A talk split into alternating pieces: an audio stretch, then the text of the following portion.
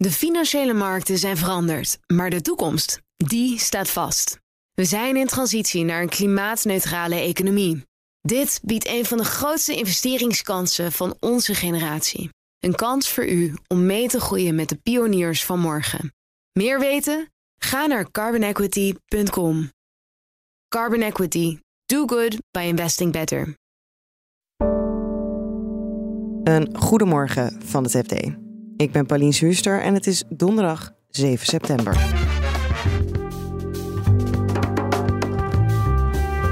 Nederland wil 600 miljoen euro lenen aan de Nederlandse Cariben. Het is zeer de vraag uh, of uh, dat geld ooit terugkomt. Private equity verspreidt zich verder in de accountancy. De inkomsten van een accountantskantoor zijn heel voorspelbaar, dus je kunt het lekker met geleend geld doen en zo. En de olieprijs is aan het stijgen. Per saldo uh, wordt tanken ontzettend duur.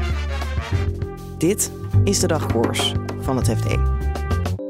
We beginnen op de Caribische eilanden, want de Nederlandse belastingbetaler draait voorlopig op voor het gat van 600 miljoen euro dat door wanbeleid en fraude is ontstaan bij de grootste verzekeraar van de Nederlandse Cariben. Collega Vasco van der Boon schrijft hier al jaren over en neemt je even mee in de geschiedenis van Enia. Enia, dat is de grootste verzekeraar, het grootste pensioenfonds ook van uh, Nederlands Cariben, dus de voormalige Nederlandse Antillen. En in 2016 bleek dat er vermoed werd door de toezichthouders dat de eigenaar van Enia het bedrijf aan het uitkleden was. Dat hij de financiële reserves uh, aan het uithollen was en in ja, misaankopen van zijn eigen dochterondernemingen uh, stak. En zo zou het geld dus weg zijn gesluist uit Enia. Geld wat eigenlijk van de gepensioneerden en de verzekerden was. Ja, want er was enorm veel pensioenen die daardoor nou ja, onzeker werden. Ja, de afgelopen jaren zitten ze echt uh, uh, op hun nagels te bijten op Curaçao, Sint Maarten. Van wat gaat er met onze pensioenen gebeuren? En begin dit jaar werd, kwam er een scenario-studie uit. En toen werd er gezegd, ja, het is Enia of een sterfhuis. En we zullen alle uitkeringen met 80%, nou, alle aanspraken met 80% moeten korten. Of um, enige andere mogelijkheid is een doorstart met een grote financiële uh, injectie van buiten. Nou ja, van buiten, ja, de grote broer uh, uh, waar de Antillen dan bijna automatisch naar kijken, is Nederland. De Antillen kunnen zelf niet op de kapitaalmarkt internationaal geld lenen. Werd hier vooraf dan ook al rekening mee gehouden dat het hier uiteindelijk toe zou komen?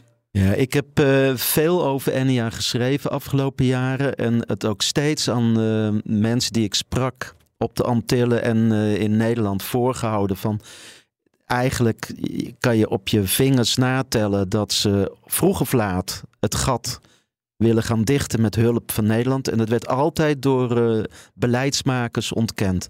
Die hebben dit nooit hardop durven zeggen. en nu is eigenlijk de kogel door de kerk.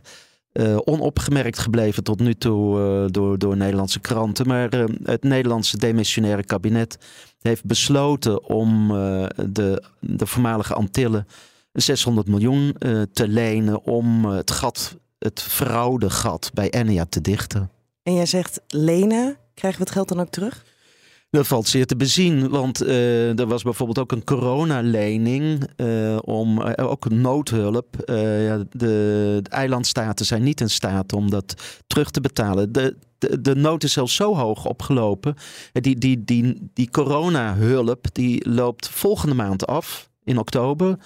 En staatssecretaris Van Huffelen maand het Nederlandse parlement om snel met spoed akkoord te gaan met deze steunoperatie omdat uh, nou ja, in oktober is het geld op de Antillen op. En uh, uh, ze zijn niet in staat om dat geld terug te betalen. Nou wordt er dus weer opnieuw geld uitgeleend. Ja, het is zeer de vraag of dat geld ooit terugkomt. Ik moet er wel bij zeggen, de nieuwe lening krijgt een iets andere vorm, een annuïteitenlening. Dus behalve rente moeten de eilandstaten ook een deel van de lening steeds terugbetalen.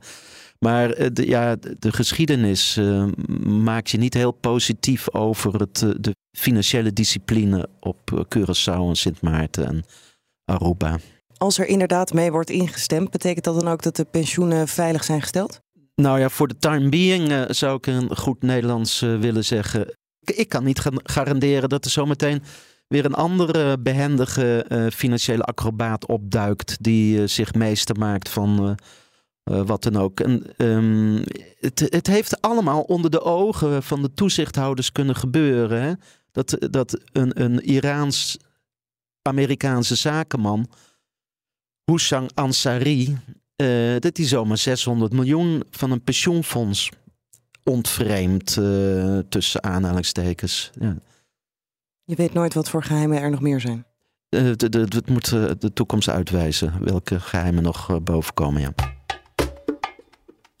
En dan gaan we naar de accountancy. Afgelopen week nam een Belgische private equity partij het Brabantse accountantskantoor ESJ over. Geen hele grote overname, maar het past wel in een trend, vertelt Zuidas-redacteur Edwin van der Schoot. Want alleen in 2022 al waren er 155 overnames van accountantskantoren. Dat zijn vaak hele kleine kantoortjes die dan samen verder gaan of worden gekocht. Het is wel zo dat deze uh, Belgische partij, de PIA-groep, nu drie uh, overnames in Nederland in vrij korte tijd heeft gedaan. En daarmee wel in 13 plaatsen in Nederland te vinden is. Daar werken dan 400 mensen. En daarmee word je wel een wat grotere, serieuze speler. En waarom zijn er zoveel overnames binnen de accountancy? Nou, enerzijds is het een beetje normaal. Accountant gaat met pensioen en iemand anders neemt het over. Maar je ziet ook de afgelopen twee, drie jaar enorme instroom van investeerders. Die dus denken, nou, we, we, we doen wat aan schaalvergroting, voegen een aantal accountskantoren bij elkaar. Dat is ook super interessant, want ja, de inkomsten van een accountskantoor zijn heel voorspelbaar. Dus je kunt het lekker met geleend geld doen en zo. Dus uh, de, de, laatste paar jaar zie je een enorme versnelling in het uh, aantal fusies en overnames van accountskantoren. We hebben het eerder gehad over dat er nou ja, een tekort aan accountants is, dreigt. Ja. Uh, het is minder populair beroep. Kan dit er hier dan ook bij helpen? Analisten van ING zeggen dat wel. Die hebben een, heel aardig rapport daar in augustus over geschreven. Waarbij ze ook aangeven: Nou, dit is nou typisch. Um, zo zorg je er typisch voor dat als je een soort van grotere formule maakt. waarbij uh, je de HR en de marketing allemaal centraal regelt. dan hoeven de accountants dat niet te doen. Dan kunnen die gewoon vooral accountant zijn.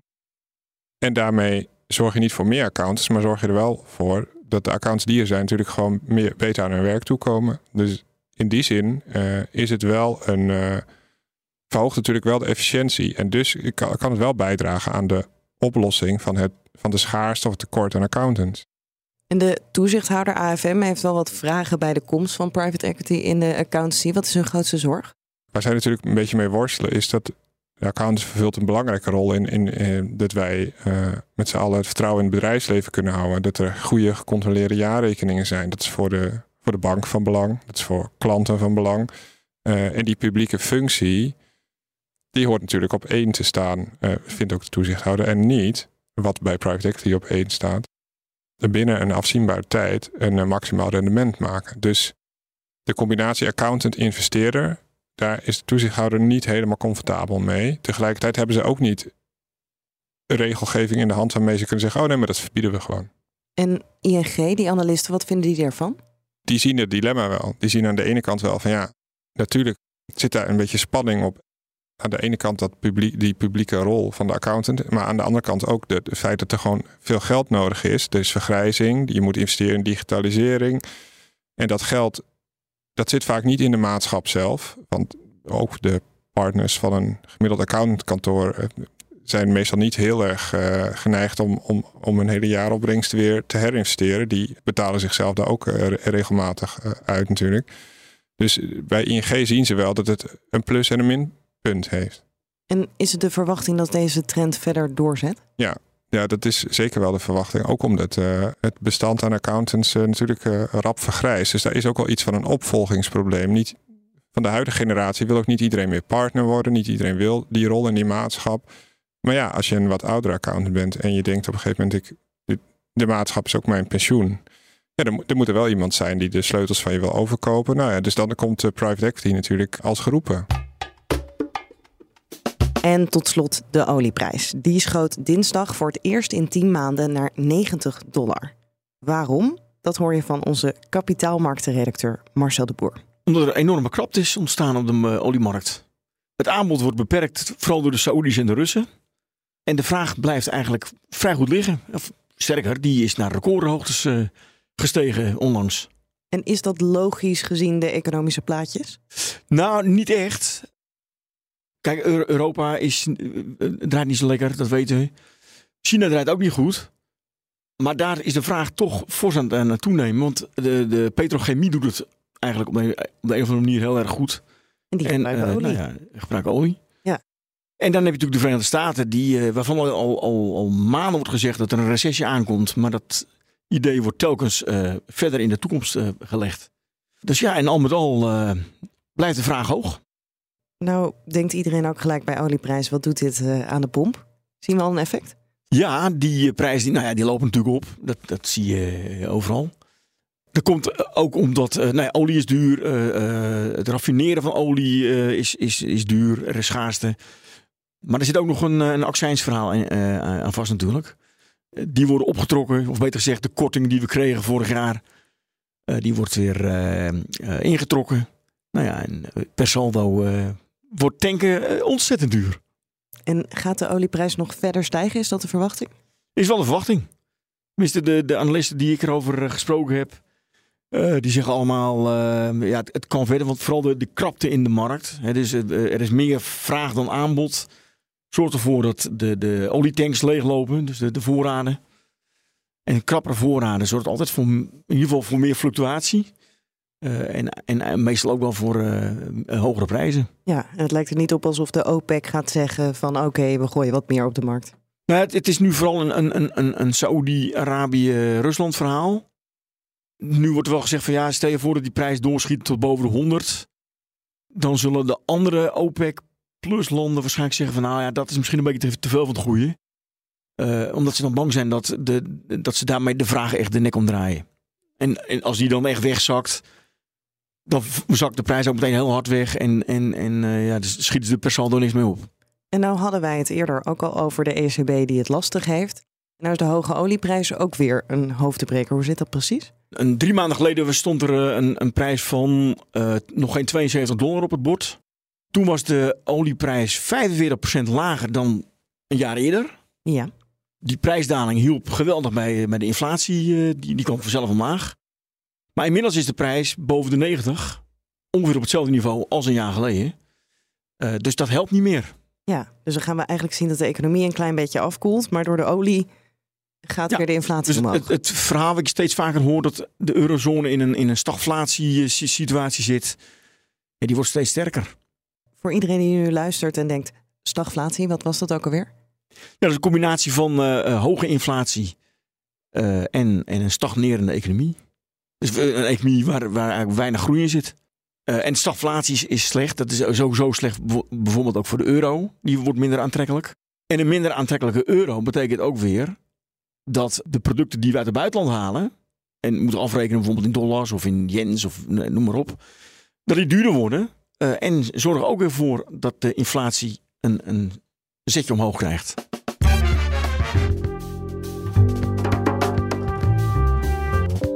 Dit was de dagkoers van het FD. Je kunt het laatste financieel-economisch nieuws volgen op fd.nl en in de app. En dagkoers volg je door je op ons te abonneren in je podcast-app. Dan krijg je morgenochtend automatisch de nieuwste aflevering binnen. Nog een hele fijne dag en graag tot morgen. De financiële markten zijn veranderd, maar de toekomst, die staat vast. We zijn in transitie naar een klimaatneutrale economie. Dit biedt een van de grootste investeringskansen van onze generatie. Een kans voor u om mee te groeien met de klimaatoplossingen van morgen. Meer weten? Ga naar carbonequity.com. Carbon Equity. Do good by investing better.